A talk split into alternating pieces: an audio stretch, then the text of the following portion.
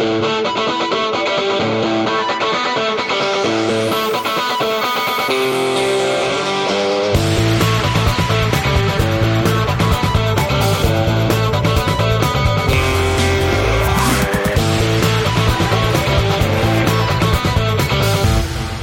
Sporta raidījums piespēle. Latvijas radio pirmā kanāla sporta raidījums piespēle Mārtiņš Kļavnieks un Mārs Barks šeit studijā mēneša pēdējā svētdiena un arī, protams, šo svētdienu raidījumā piespēle runāsim par sportu. Sveiks, Māri! Sveiks, Mārtiņ, sveicināti klausītāji. Jā, par sportu mēs runāsim. Tas ir skaidrs. Par sporta veidu, par ko mēs jūlijā tā kā runājam, bet vienlaikus arī īsti nerunājam. Par mm. hokeju runāsim. Bet runāsim nevis par nacionālo izlasi, nevis par klubiem. Runāsim par U20 izlasi un runāsim ar U20 izlases galveno treneri Ārti Ābolu. Tas raidījuma turpinājumā. Bet pirms tam, protams, atklāsim visu šo pasākumu kā parasti ar nedēļas spilgtāko notikumu topu, kas jau pēc pavisam īsa brīža. Pacietieties nedaudz, un tad jau būsim atpakaļ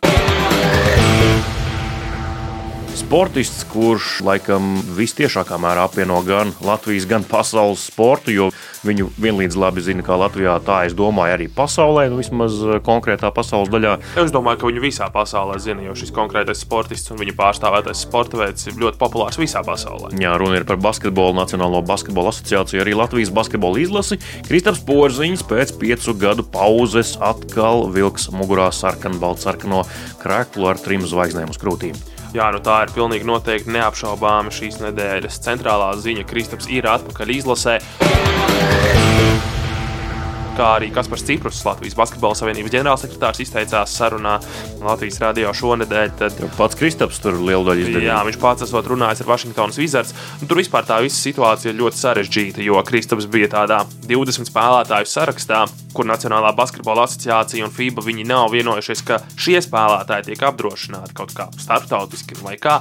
Tas ir tāds traumatisko spēlētāju saraksts. Jā, tas ir tāds traumatisko spēlētāju saraksts visticamāk, un, un Kristaps viņam ir traumu vēsture. Beig beigās viņš pats ir sakārtojis ļoti daudz šīs lietas ar Vašingtonas klubu. Wizards nav iebildumu. Un, uh, nu, kā Kaspars Ciprus teica, KP, kā viņu pazīst visur pasaulē, ir tā pamatīgi iedzēs par visu šo pasākumu un par spēlēšanu izlasē, par spēlēšanu pasaules kausa kvalifikācijā nopietni pretinieki - Turcija un Lielbritānija. Jā, protams, Kristaps pirmrunnieks un spožākā zvaigzne šajā Latvijas izlases galaktikā, ja tā mēs to varam dēvēt, bet neaizmirsīsim arī Dāvis Bartāns būs tur un arī, protams, Rihards Lomašs būs ierindā un vispār. Labākie būs. Principā labākie. būs visi, jā, labāku sastāvu, protams, tu, tu, tu un piesitām trīsreiz pie koka. Cerams, ka nebūs traumu, bet, eh, ja visi nu dienu būs ierindā, kuri ir gatavi būt ierindā, tad tā būs iespējams spēcīgākā Latvijas izlase, kāda vispār var būt. Nu, varbūt spēcīgākā kopš 2017. gada. Nu, Rodions Kurts vēl ir nu, jautājums. Vienīgi, jā, varētu būt jautājums par viņu, bet erudīcijas jautājums Mārkas vieno visus šos mūsu nosauktos spēlētājus tieši šobrīd, šajā gadā. Tātad Dairis Bartāns, Dāvis Bartāns, Rihards Lomašs, Kristaps Porziņš, nu labi, piemetam varbūt arī Jānis Strelnieku, ja nu viņš tomēr tur būs. Kas viņus visus vieno? Visi ir spēlējuši Spānijā. Tā nenopietnāk paskatoties, daži no viņiem vēl 2017. gadā, tie, kur spēlē izlasē, Rihards Lamašs to vēl nedarīja, bija tādi gludi skūti. Tagad arī Kristaps ir atlaidis rūgājus un sācis saukt par mēs ar tevi arī mazliet vārdu esam atlaiduši. Tā kā visu cieņu Kristap, ka pievienojies klubiņam. 25. augusts Turcija, arēnā Rīga un 28. augusts Lielbritānija izbraukumā, bet manuprāt, mēs vēl pagaidām nezinām, kur tieši Lielbritānijā. Raudzīsim, redzēsim uh, un sekosim līdzi, bet dodamies tālāk šīs nedēļas spilgtāko notikumu topā un uh, pie cita komandas sporta veida Latvijas volejbola izlase. Jā, noslēdz gatavošanos Eiropas čempionāta kvalifikācijai un mūsu īpašais volejbola aģents un ziņotājs esi Tumāri Latvijas radio. Tā kā tu laikam visvairāk spēļu vispār esi redzējis Latvijas volejbola izlases izpildījumā pēdējo gadu laikā, es tā domāju. Tā varētu būt, jā, tieši ja mēs Latvijas radio kontekstā raugāmies. Jā, kvalifikācijas ciklam tās sagatavošanās ir noslēgusies. Nu, tagad būs jāsāk rādīt to, ko mēs mākam vai ko mēs nemākam. Jo pret Norvēģiem uh, izskatījās labāk nekā Ukraina, bet pret Norvēģiem tā spēle izskatījās kvalitatīvāk nekā pret Ukraiņiem. Krietni kvalitatīvāk. Taču nevar salīdzināt arī šo komandu līmeņus. Ukraiņi spēlēs pasaules čempionātā, viņi uz to gatavojas, un viņi ir stabili Eiropas čempionāta dalībnieki. Tur var arī pacīnīties par ceturtdaļu finālu, un, ja labi sajiet, tad arī par pusfinālu. Norvēģija ir tāda mūsu līmeņa komanda. Tur mēs izskatījāmies labāk, bet brīžiem ir tas pats, kas notiek citās Latvijas sporta spēļu izlasēs. Vienkārši tiek norauts stopkrāns. Spēlējam, visu forši, servis lido, varam iegremdēt, pabeigt uzbrukumus, ir saspēle. Un tad vienā brīdī mēs vairs neko nevaram. Tad nāk tas kritums, un tad ir jāpārvar. Tad bieži vien no tās bedres vairs nevar izrādīt. Jā, un tas ir acīm redzams. Norvēģi neservēja tik stipri. Norvēģi tādas indīgas planierus servēja tādas vājas servītes, kuras ir grūti varbūt nolasīt un grūti arī saņemt. Arī ar to mūsējiem bija mazliet problemātiski, kamēr pielāgojās. Kvalitatīvāk paliek, bet vai tas ir spēja līmenis? Nē, šie spēlētāji var spēlēt labāk. Un te nav stāsts par treneri. Tu liec treneri, kādu tu gribi. Ja paši spēlētāji sit autā vienkāršas bumbas, nu, tu vari likt, ko tu tur gribi. Bet spēlētājiem ir jāspēlē. Es saprotu, ka daudz, daudz lielāks pienesums kvalifikācijā tiek gaidīts no Hermana Eglis Kalna, kuram jābūt nu, izlases līderim gal galā. Dodamies tālāk, un nedēļas topā arī parunāsim par ledus hokeju. Jau ievadot tikko pieteikto sarunu ar Arti Ābolu, bet parunāsim par klubu hokeju un ka Latvijas izlases hokeisti ir atraduši darbu. Esošie, bijušie, varbūtējie izlases hokeisti, kuri vēl atrodas pelēkajā zonā, jā, tādā neskaidrā statusā. Iepriekšējā raidījumā runājām, ka daudz no viņiem joprojām ir bez darba, joprojām tik tiešām daudz ir bez darba. Tādi, kuriem paši... vajadzētu būt arī līderiem izlasē. Jā, tas pats Jānis Jaks, Renārs Krastenbergs, ko pieminējām pagājušajā gadā. Arī joprojām nezinām. Bet uh, darbi ir atrasts beidzot, vai tagad jau tikai atrasts, vai tikai tagad izziņots, ka ir parakstījis šo līgumu Mikls Indrišs, Vācijas hokeja augstākajā līgā, jeb DEL, Schwenningens Wild Wings, klubs, kurā ir spēlējis arī Rihards Bukarts, pastarīts šajā Vācijas līgā. Tāpat arī Mārtiņš Karsums, bijušais Latvijas hokeja izlases spēlētājs, brauks uz Liptovski Mikulāšas klubu, kurš arī ir Slovākijas ekstralīgas pastarītis. Pārliecinoši turklāt viņi bija pastarījuši pagājušajā sezonā regulārajā Slovākijā. Vai Mārtiņa Karsuma līmenis ir Slovākijas ekstralīgas lejas gala klubs? Es domāju, ka nē. Šobrīd man liekas, vēl nē. Jā, jā visu to spēlēt ka... kaut kur Čehijā, piemēram. Joprojām jautājums, piemēram, arī par Lauru Dārziņu, cik es esmu dzirdējis. Viņš joprojām domā, ko darīt vai nedarīt. Miks Indrešs tagad ir tas jautājums, kur atkal tā situācija ir tāda, nu, kur tu vari vienkārši nopūsties, noplātīt rokas. Nu, kas tad atkal būs? Jo paziņots tiek šis līgums Vācijas līgā, Švenīgēnas komanda tur neko baigi nekomentē. Maskavas Spartaks tajā pašā dienā ir pasaka, šokā. Jā, mēs esam dusmīgi. Indrašam ir līgums ar mums, tas ir reģistrēts KHL centrālajā reģistrā un tā tālāk. Mēs runāsim ar IHF, mēs runāsim ar Krievijas Hokeja federāciju. Tas ir saprotami, ja viņi uzskata, ka viņiem ir taisnība, viņi to var darīt bet tas viss ir tik samuģināti. Jā, nu, tur patiesības graudus pagaidām grūti atrast. Īpaši, ja pats Mikls ar medijiem nerunā, joprojām to nedara. Tāpat laikā, cik eh, mums ir zināms, un kā mēs šobrīd redzam situāciju caur to aizkulišu kaleidoskopu, tad, eh, ja reiz līgums bija parakstīts, tas tagad ir jālauž, un ja tas tiek lausts ar Maskavas Spartaku, es domāju, nu, tad ir jautājums, cik liela kompensācija tad uh, ir tagad jāmaksā klubam, proti, Mikls maksās Spartak klubam kaut kādu konkrētu summu, jo viņš bija līguma laušanas iniciators, tad cik tad liela šī summa būs? Nu, daži lēš, ka 97,000 eiro. Nu, tas ir atsaucoties uz Krievu medijiem.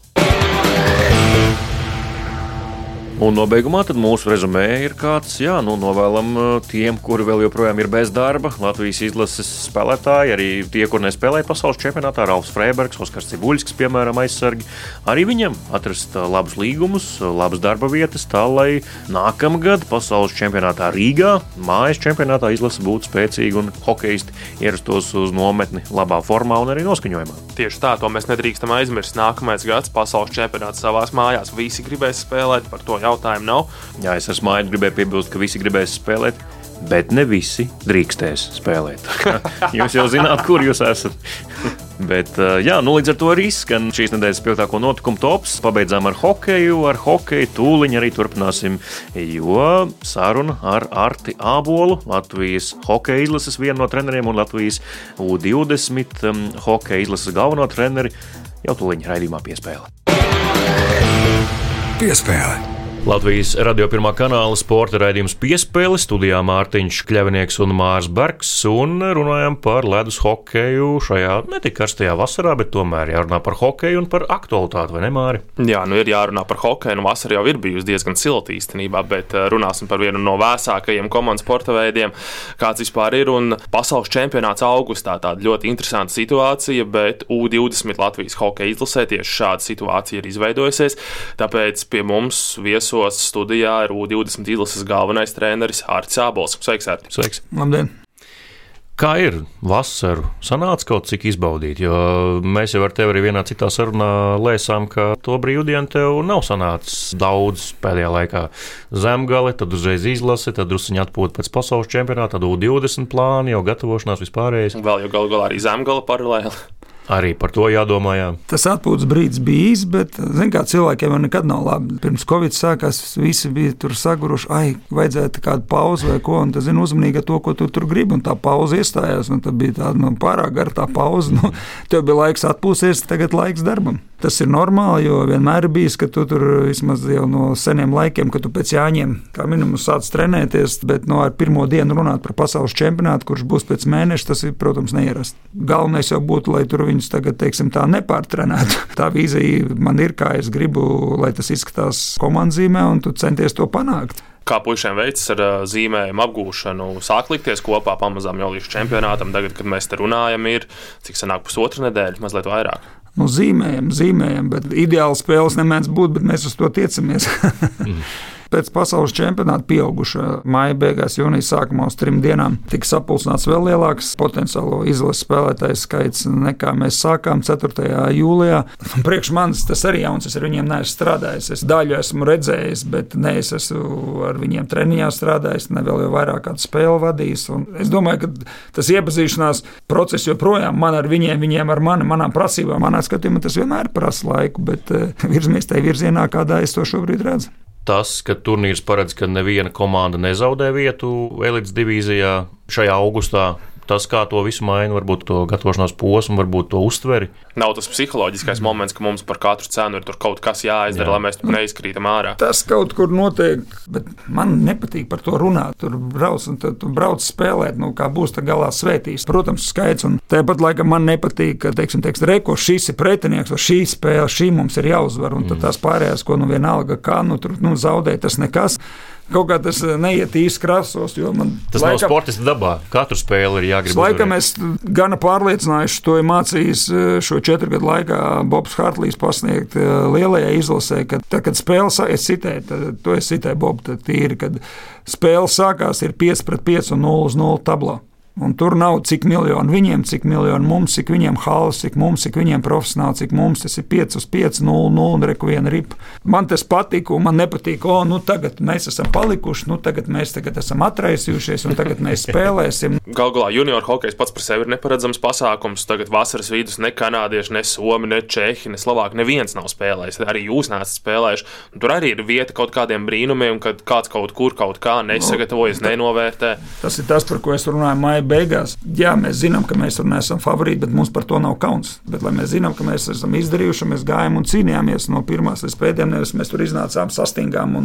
Mums tur pārbrauc pāri, vai ne? Es nezinu, kā būs. Un šis tāds interesants laiks ir, ka, ja nu kāds tur kaut kur, teiksim, no lielajiem nohalturē, tad mums ir iespēja sev parādīt, respektīvi, jums, kas tur grib spēlēt, un liela daļa jūs esat no turienes, kas eh, labi viena daļa savu nākotni redz vismaz caur koledžu, kas ir ļoti apsveicami, vai ne? Un pēc tam jau skatīsies, kas tur tālāk vai nu parasts darbs vai, vai hokejs, un pēc tam pēc karjeras tev ir darbs, un citi jūs pārbrauciet tur ar mērķi tikai, nu, kad spēlēs, un tev iespēja varbūt caur to, ka tu būsi labāk sagatavojies, būt eh, labāk un atstāt labāku iespēju šajā turnīrā. Kanādiešu spēles esat izpārdotas Rodžers arēnā un cik tur 18,000. Nu, Nepilnīgi 18,5 tūkstoši tur ir. Mēs spēlējam pirmo spēli ar Somiem, nākamā dienā uzreiz ar Kanādu, kas Kanādai ir pirmā spēle.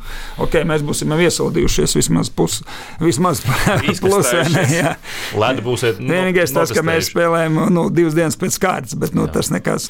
Nesabīties no tā skatītājas spiediena tik liela. Tas arī, par ko mēs runājam, ir godīgs, godīgs, mēs neviens mēs nezinām, uz kuriem mēs brauksim, kas mūs tur sagaida. Bet mēs nedrīkstam ieraudzīt to kļavas lapu vai pilnas tribīnas, kas tur sākas, nezinu, es pieļauju skandēt Kanādu, Kanādu, un ka mums ir stīvas kājas un mēs nespējam pakustēties. Bet tur jau vairāk tā ir psiholoģija, ne, mm. ne tava meistarība vai kaut kāda fiziskā sagatavotība vai, vai taktika. Ne man ir kaut kāds kopijs, ko darīja Bobs, ne ko Harijs dara, bet uh, virziens ir līdzīgs un vai tas var nest kaut kādus augļus.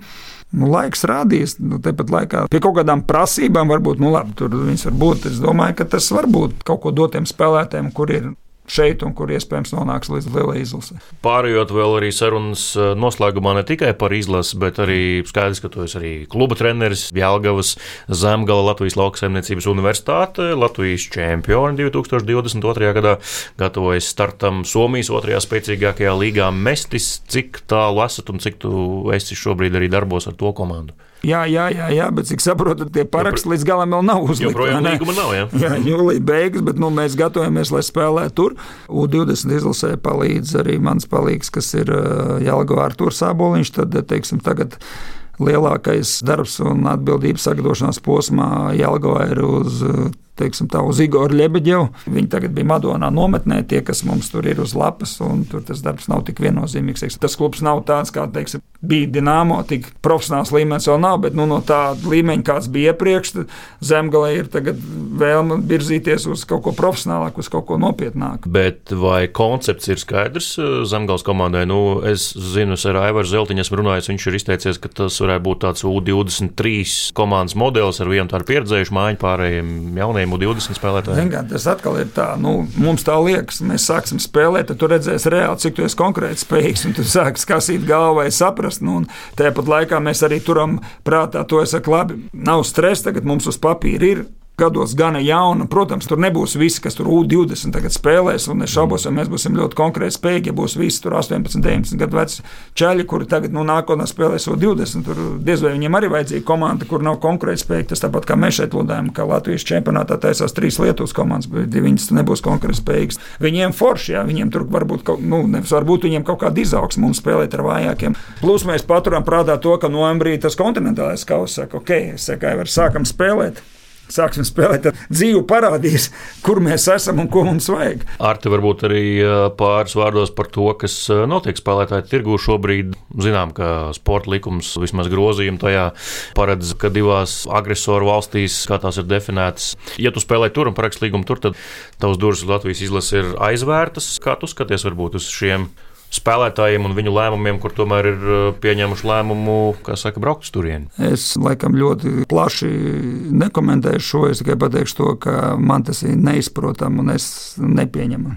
Nesaprotu to. Kā to šobrīd šajos apstākļos var darīt? Es saprotu visu, bet šo es nesaprotu. Tie rietumu valsts vēl tāpat liela daļa man teiks, tā īsti nemaz neapēdz tos reālos draudus, kas mm. mēs tur esam bijuši. Mums no tā ir reāla baila, un neviens negrib tur atgriezties. Nu, mēs poļi, Pat ar tiem jā, pašiem zviedriem tur runā, viņš tur, nu, jā, nu kā tur ir, vai kaut ko, ah, šādi. Nu, tad, tas te pat, teiksim, tā Zviedrija mums ir tuvāk nekā Kijava. Bet nu, viņiem var to nebeidz. Vai, teiksim, nu, tur amerikāņi mierīgi brauc parakstīt, cik es dzirdu. Nu, es, es neesmu to Alhakiju lasījis kopš kara sākuma kad braucot mierīgi, tur parakstot līgumus, mm. normāli viņi tur brauc. Es, es nesaprotu viņus. Paldies! Latvijas hokeja izlases treneris un Latvijas U20 hokeja izlases galvenais treneris Arts Ābols bija šeit Latvijas radio studijā. Raidījumā piespēle arī, protams, es Mārtiņš Kļavnieks un Mārs Bergs. Paldies, Arti, ka atnāci un lai veicas pasaules čempionātā. Paldies jums! Paldies! Piespēle! Turpina skanēt Latvijas radio pirmā kanāla sporta raidījums piespēle. Studijā joprojām es Mārtiņš Kļavnieks un mans kolēģis Mārs Bergs, bet tūliņ, tūliņ jau studijā nāks Latvijas radio leģenda Gunārs Jākopsons, un par ko tad šoreiz viņš runās Māri? Jā, Gunārs šoreiz raidījumā runās par kādu turnīru, par Alfrēda Kraukļa piemiņas turnīra 30 gadu jubileju. Nu, tiem, kas nezina, kas ir Alfrēds Krauklis, tātad viņš savulaik pats bija izcils basketbolists, vēlāk, kad jau sportošanai bija metis mieru, tad viņš arī bija labs treneris arodā. Un studijā būs gan šī turnīra viens no idejas autoriem un radītājiem, treneris Jānis Rimbenieks, leģendārs Latvijas jauniešu basketbola treneris, arī viņa audzēknis, es domāju, medijos diezgan daudz redzēts un dzirdēts Jānis Labuts, un, protams, arī Tokijas Olimpisko spēļu zelta medaļas ieguvējs 3 pret 3 basketbolā Jāņa Rimbenieka audzēknis. Nauris Miezis. Un, starp citu, šajā kontekstā mēs varam pateikt, Māri, ka šonadēļ apritēja apaļšgads kopš 3 pret 3 basketbola izlase Tokijā izcīnīja olimpisko zeltu. Un tu to redzēji klātienē? Jā, nu, šīs nedēļas ceturtdienā, aptuveni pēcpusdienā pēc Latvijas laika, kādiem 4-5 pēcpusdienā, tad aprit gads kopš eh, šī slavenā Kārļa Lasmaņa metiena, kas atnesa Latvijai zelta medaļu Tokijas Olimpiskajās spēlēs. Es joprojām atceros šo metienu ļoti labi, jo tas notika man vairāk vai mazāk degungalā. Jā, bet savus sviedrus lies jaunie basketbolisti Alfrēda Kraukļa piemiņas turnīrā un par to Gunārs Jākopsons un viņa viesi.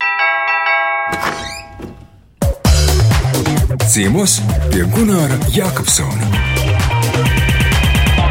Šīs ciemošanās iemesls ir tradīcija. Vārds, kas cēlies no latīņu valodas tradicio, pārāža tātad uzskatu, ieradumu un darbības kopums, kas tiek eh, nodots no paudzes paudzē. Un arī šeit Latvijas radio studijā pulcējušies dažādu pauģu pārstāvi, lai atcerētos un pieminētu kādu cildenu sporta tradīciju, proti Alfrēda Kraukļa piemiņas turnīru basketbolā, kas šovasar notiks jau 30. reizi. Tātad šī turnīra aizsācējs un idejas autors, pazīstamais basketbola speciālists Jānis Rimbenieks, viņa darba turpinātājs, televīzijas žurnālists Jānis Labuts un olimpiskais čempions 3x3 basketbolā Nauris Miezis. Esiet sveicināti! Sveiks, Gunār! Labdien! Jā, nu bet sāksim, protams, ar sākotnēji. Kā un kā tad, Jānis, tev radās šī doma rīkot Alfrēda Kraukļa turnīru? Un vai jau tad tu varēji paredzēt, ka tas piedzīvos 20, 30, nu, kas zina, cik vēl gadus? Tad man ir jāskatās tālāk pagātnē. Tieši kad mēs vēl gājām uz barikādēm un cīnījāmies par Latvijas neatkarību, kad noregulējās mūsu valsts sistēma, un tad labākā basketbola komanda, VF meistara komanda, un VF meistara komandai blakus bija VF sporta skola situācija izveidojās tāda, bija dalībnieki, kas gribēja privātās savas sporta skolu organizēt un gribēja nosaukt VF vārdā. Viņš ienāca mūsu kabinetā un teica, tā kā apmēram tagad es ietu un teicu, Gunār, tagad es būšu tavā vietā. Jā, nu nav slikta doma.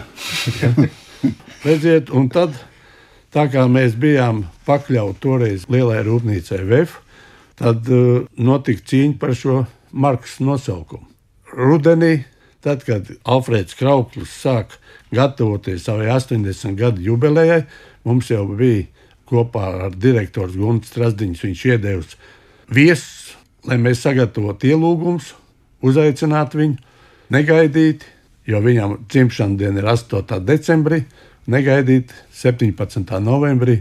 Viņš aizgāja aizsaulē. Nu, un tad bērnu mīlestības laikā, pirms tam es biju jau pārunāju šo jautājumu ar Alfrēdu Kraukļu meitu, mazmeitām, mazdēlu par to, ka mēs vēlētos uzņemties, lai vēlāk mēs varētu norganizēt Alfrēda Kraukļa VF basketbola skolas nosaukumu juridiski. Pirmo reizi mūžā es redzēju, kad bērnu mīlestības laikā, kurā bija vairāk kā 400 cilvēki, sporta pilsēta, kafejnīcā, notika ovācijas un aplausi. Bet vai toreiz varēja apjaust, ka šiem turnīram paliks 10, 20 un vairāk gadu? Vai tā bija tikai tāda iecerē? Redziet, eh, tā bija pirmā, vienmēr jau viss sākās ar ieceri. Nu, jā. Un tā kā iepriekšējo 80. gadu beigās man bija iespēja būt Zviedrijā un iepazīties ar zviedru speciālistiem, viņi organizēja jau vairākus gadus turnīru Lundā. Mēs pārņēmām šī turnīra organizācijas schēmu un sākām ar pirmo turnīru 1992. gadā.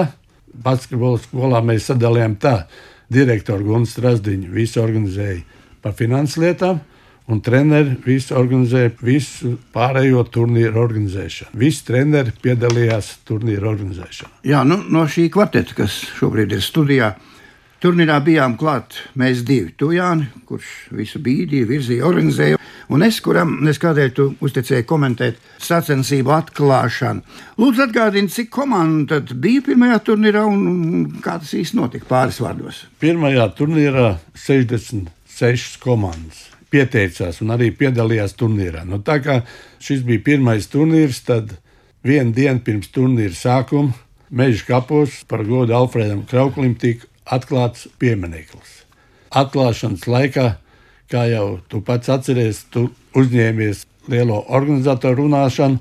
Arī man audzēkņa tēvs, kas bija ļoti labs draugs gan tev, Gunār, gan Alfrēdam Krauklim, Gunārs Gailīts, kurš norganizēja ļoti labu un interesantu pieminiektu atklāšanu. Pirmajā turnīrā piedalījās 55 komandas no Latvijas, viena no Grūzijas, viena no Ukrainas, sešas no Lietuvas un trīs no Igaunijas. Jā, nu jauniešiem par šī turnīra aizsākumu atgādina viena nostāsta atmiņas, bet kad un kā jūs ausīs pirmo reizi nonāca vārds Alfrēds Krauklis, un ko tas jums, Jāna, nav izsaka? Nauri, aiziet, sāc. Nu, man kā basketbolistam pirmie soļi tika pavadīti ķekavā pie trenera Andrija Glīša, un pēc tam gadiem ejot, es tiku uzaicināts uz Rīgu spēlēt pie trenera Jāna Rimbinieka. Un tieši tur arī es izdzirdēju to pirmo reizi, ja Alfreds Kraukļa basketbola skola, tajā, kurā man sākās tie pirmie soļi Rīgā. Nu, man patiesībā diezgan līdzīgi. Rīgā dzīvojot, es pat gudīgi sakot, nezinu, kā tas toreiz sanāca, bet uh, sāku trenēties basketbolā tieši Kraukļa basketbola skolā.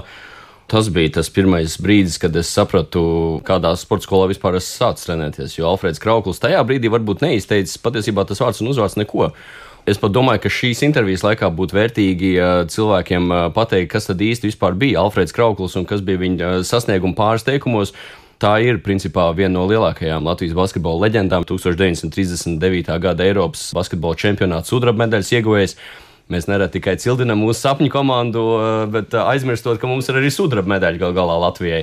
Un Alfreds Krauklis bija viens no šīs komandas spēlētājiem, dibinājis arī VF meistaru komandu, bijis VF meistaru komandas pirmais treneris, dibinājis principā arī jaunatnes basketbola skolu VF ar savu milzīgo vārdu Latvijas basketbola attīstībā un vēsturē ir Alfrēds Krauklis. Jā, tu, Jāni, no šo sacīkšu dalībnieku esi kļuvis par sacensību rīkotāju, pārņemot stafeti no Jāņa Rimbanieka. Kad un kā tas notika? Tas notika pakāpeniski, un tagad es tikai esmu sapratis, ka Jānis man e, lēnām, lēnām, pašam man to nezinot, e, laikam tas bija viņa tāds slēptais plāns jau uh, pirms 25. turnīra, jo 25. turnīrā Jānis man pilnībā praktiski atdeva vadības grožus, bet pirms tam es paspēju vēl vienkārši kā palīgs pāris gadus darboties Kraukļa turnīrā. Tad es biju pāris gadus arī turnīra galvenais tiesnesis.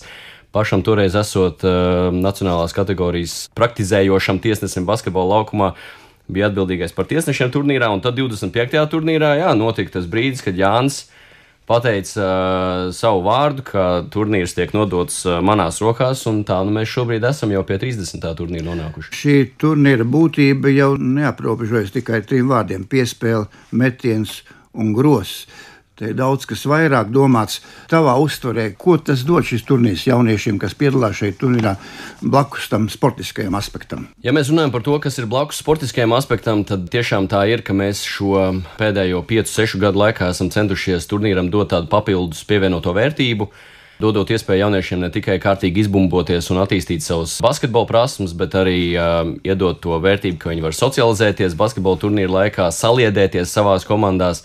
Līdz ar to man ir jāsaka liels paldies gan Rīgas Nacionālajiem zooloģiskiem dārzam, gan Rīgas motoru muzejam par iespēju jauniešiem bez maksas turnīra laikā apmeklēt eh, šīs divas vietas, vai ar komandu kopā, vai katram individuāli, bet katrā gadījumā iegūt nedaudz vairāk arī to vērtību, kas viņiem ir turnīra laikā dota. Tāpat mums turnīra laikā ir arī drošības kampaņa, tiek organizēta, tā viņi varētu nosaukt, kur atsevišķi uzņēmumi, piemēram, akcijas sabiedrība GASO un valsts akcijas sabiedrība ceļu sadarbības drošības direkcija Tāpat arī šogad sadalījums tīkls runā par drošību bērniem, kas ir, protams, ārpus basketbola laukuma, kas ir nepieciešams arī ikdienā.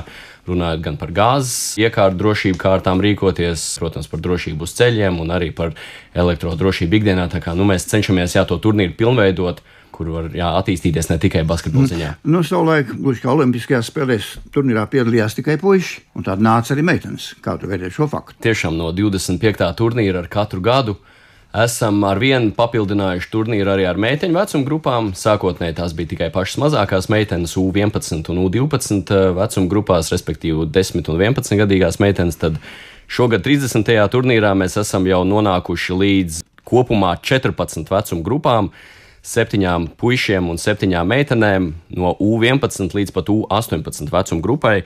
Un esam nonākuši arī līdz 141 komandai, jau šobrīd ir reģistrācija noslēgusies nedēļas nogalē. Mums ir 141 komanda no septiņām valstīm. Jā, nav arī ko tu varētu piebilst pie šīs lietas. Neko es eh, jau bišķiņā aizklausījos, paklausījos, kā tas viss turnīrs raudzes. Un, eh, Jā, iespaidīgi. Un uh, varēja tikai pabrīnīties un uh, pašokēties. Žēl, ka es vairs neesmu atkal jauns maziņš, un uh, es labprāt gribētu piedalīties šajā turnīrā vēlreiz. Un, uh, Tas viss ir kļuvis baigi populāri un profesionāli. Kādu jūs abi Jāņa Nauri atceraties saistībā ar šo turnīru, pakāpjoties dažus gadus atpakaļ? Es varbūt varu sākt, nu man ir drusku citādāk. Es ar Nauru kopā trenējos tajā laikā.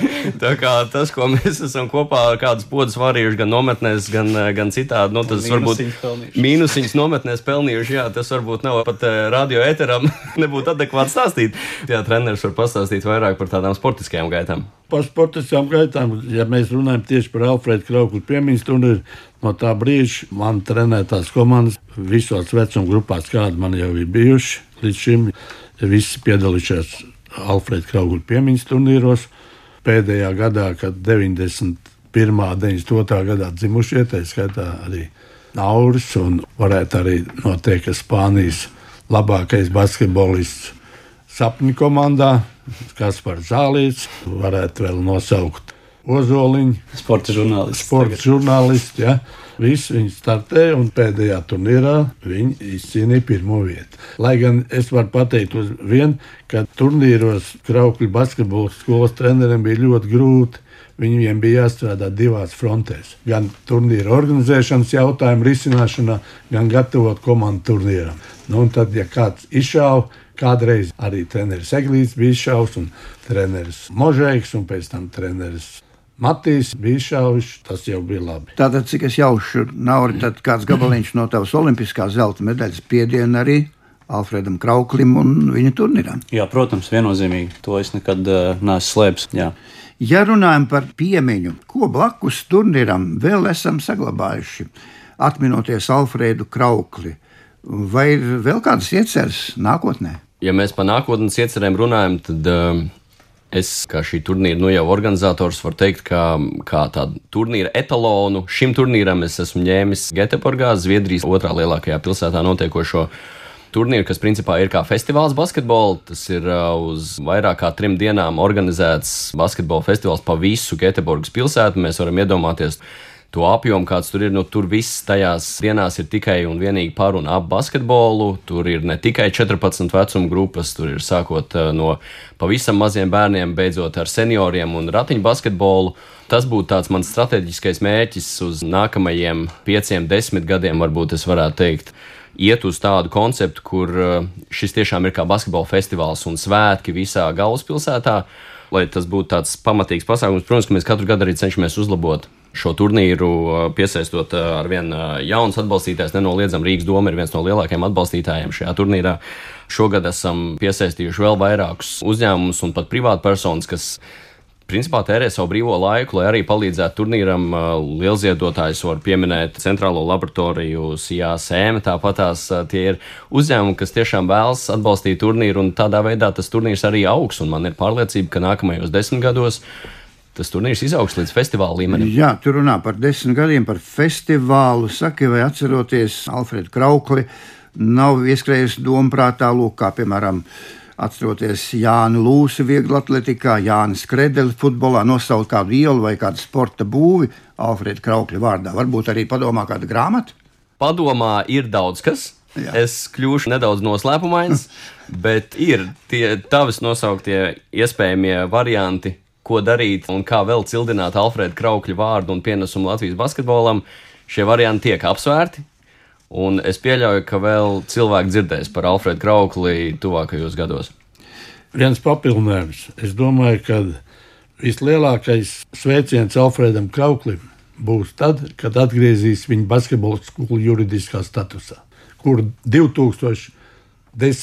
gadā, 1. janvārī, tika likvidēts astoņas basketbola skolas Rīgā, tā skaitā arī Alfrēda Kraukļa vai basketbola skola. Jā, nu, daudz kas nācis vietā. Šajos gados arī kaut vai basketbols 3x3.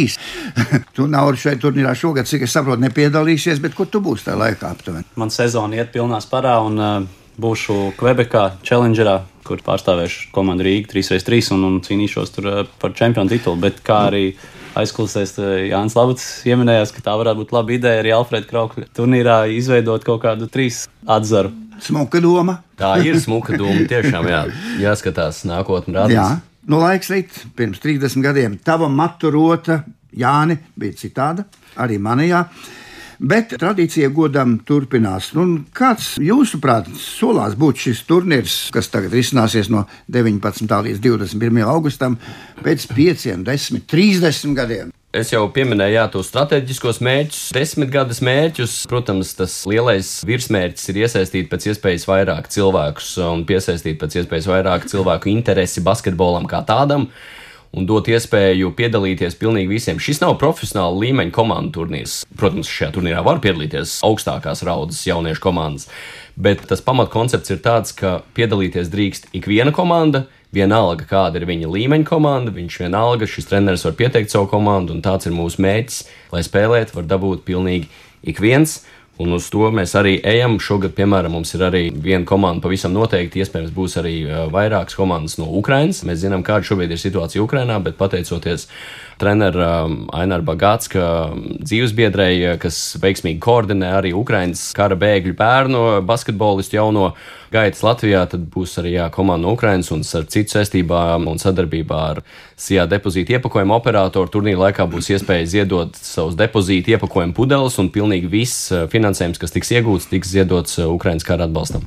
Alfrēda Kraukļa turnīram 30, tas skan lepni. Bet vislielākais paldies jau jāsaka gan dalībniekiem, gan rīkotājiem, gan atbalstītājiem, kuri šeit tik minēti vairāku pauģu ietvaros. Nu, bet kādu novēlējumu jūs varat izsacīt šim turnīram nākotnē? Tev kā turnīra idejas autoram, aizsācējam pirmkārt. Pirmais jau tad, kad mēs šo turnīru uzsākām ar Guntu Strasdiņu un basketbola treneriem, visiem, kas bija mūsu skolā, es domāju, ka šim turnīram nedrīkst viņš apstāties.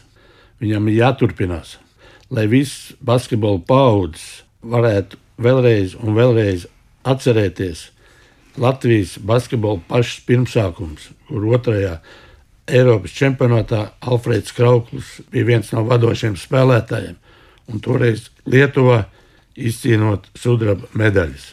Pavisam noteikti es varu Jāni, visas Latvijas priekšā šobrīd pateikt, ka turnīra tradīcijas, kamēr es būšu dzīves, pavisam noteikti netiks pārtraukts. Jo, ja mūs neapstādināja pat Covid-19 pandēmija un turnīri notika arī šajā laikā, pielāgojoties apstākļiem, piesitot pie šī koka galda, es nezinu, kam būtu jānotiek, lai turnīra tradīcijas kaut kādā brīdī tiktu pārtrauktas. Bet, Nauri, es ļoti gribu dzirdēt tavu novēlējumu Krauka piemiņas turnīram. Es vienkārši apzinos, kādi cilvēki ir pie stūra šajā organizēšanā, un es nevis novēlēšu, bet es ticu tam, ka tas turnīrs būs vēl simts gadus, un tas turnīrs tikai augs ar katru gadu. Tātad Alfrēda Kraukļa gadsimtais piemiņas turnīrs atkal ir klāts. Nu, vēlēsim tam saules mūžu, un es ceru, ka mūsu nākamā tikšanās būs jau Alfrēda Kraukļa 30. piemiņas turnīrā, kas notiks tātad no 19. līdz 21. augustam Rīgā. Paldies, ka bijāt pie manis ciemos šeit, radio, un uz tikšanos! Paldies! Paldies! Paldies. Paldies. Latvijas radio pirmais kanāls, sporta raidījums piespēle, Mārtiņš Kļavnieks un Māris Bergs, un līdz ar to arī raidījums ir pietuvojies savai izskaņai. Sakam jums paldies par klausīšanos, un jāpasaka vēl kāda svarīga lieta, Māri, vai ne, jo nākamnedēļ nu gluži nedzirdēsiet ierasto raidījumu piespēle formātu. Mā, mēs ar tevi, Mārtiņ, arī nedaudz pabaudīsim vasaru, mazliet ievilksim elpu, Ko vajag, to vajag. pasauļosimies mazliet pie ūdens. Droši vien jāatpūšas. Kamēr vēl var, vasarā, diemžēl, lietus beigām, tas siltais laiks drīz būs cauri, lai vai kā negribētos apkurses sezonu sagaidīt. Līdz Bet nebēdājiet, jā, nu, jūs dzirdēsiet labākos interviju fragmentus no līdz šim skanējušajām piespēlēm. Raidījums skanēs, raidījums būs, par to nestraucieties. Jā, pirmie septiņi mēneši jaunajā formātā ir aizvadīti, un nu, tad ir laiks arī atskatīties, kā mums ir gājis. un, uh, Jūs arī to, protams, varat vērtēt un paklausīties, kādi bija tie labākie, spilgtākie brīži. Bet tas jau pēc nedēļas. Šonadēļ mēs no jums līdz ar to atvadāmies un aicinām klausīties raidījumu piespēle gan Latvijas radioarkīvā, tīmekļa mājaslapā, tāpat arī jebkurā savērtā raidierakstu, jeb podkāstu klausīšanās vietnē. Jā, paldies, ka klausījāties šonadēļ. Cerams, ka bija tikpat interesanti, cik mums. Bet mēs ar tevi, Mārtiņ, būsim atpakaļ pēc divām nedēļām. Tiekamies pēc divām nedēļām.